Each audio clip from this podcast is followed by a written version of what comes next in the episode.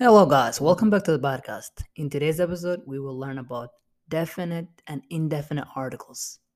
The definite article, la, is used before a noun to indicate that the identity of a noun is known to the reader or listener. The indefinite article, a, an, is used before a noun that is general or when it is identity is unknown. Unlike English, though, the definite article in Somali is not a separate but a suffix added to the uh, end of the noun. It looks like you don't really need to worry about indefinite article in Somali because the base form of the noun uh, plays two roles at once. When I say gari, car, I'm both saying car and a car. Obviously, killing one stone with two birds. However, within the English language, the base form does uh, of the noun does not play two roles.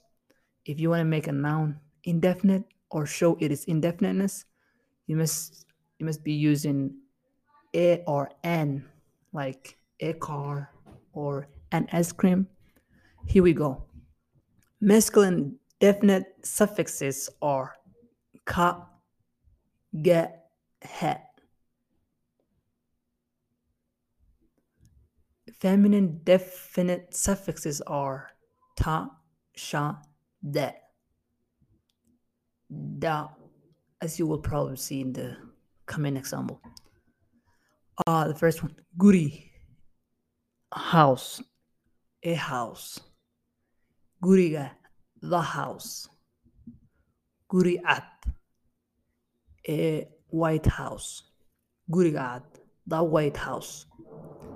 Gari or gari, gari, car, a car. Gariga, the car. Gari madow, a black, a black car. Gaariga madow, the black car. Wheel, boy, a boy. The boy, if you want to say the boy, you say wiilka, the boy, wiilka. Wiil yar, a young boy. Wiilka yar, the young boy.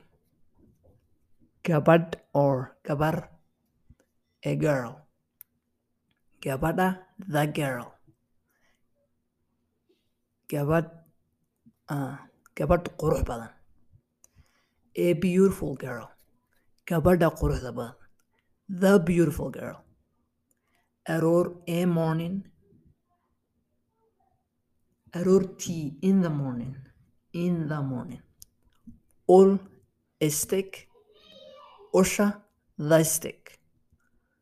If somebody says ultur, throw away a stick. But if someone says ushatur, throw away stick. Yep, that's all I got, guys.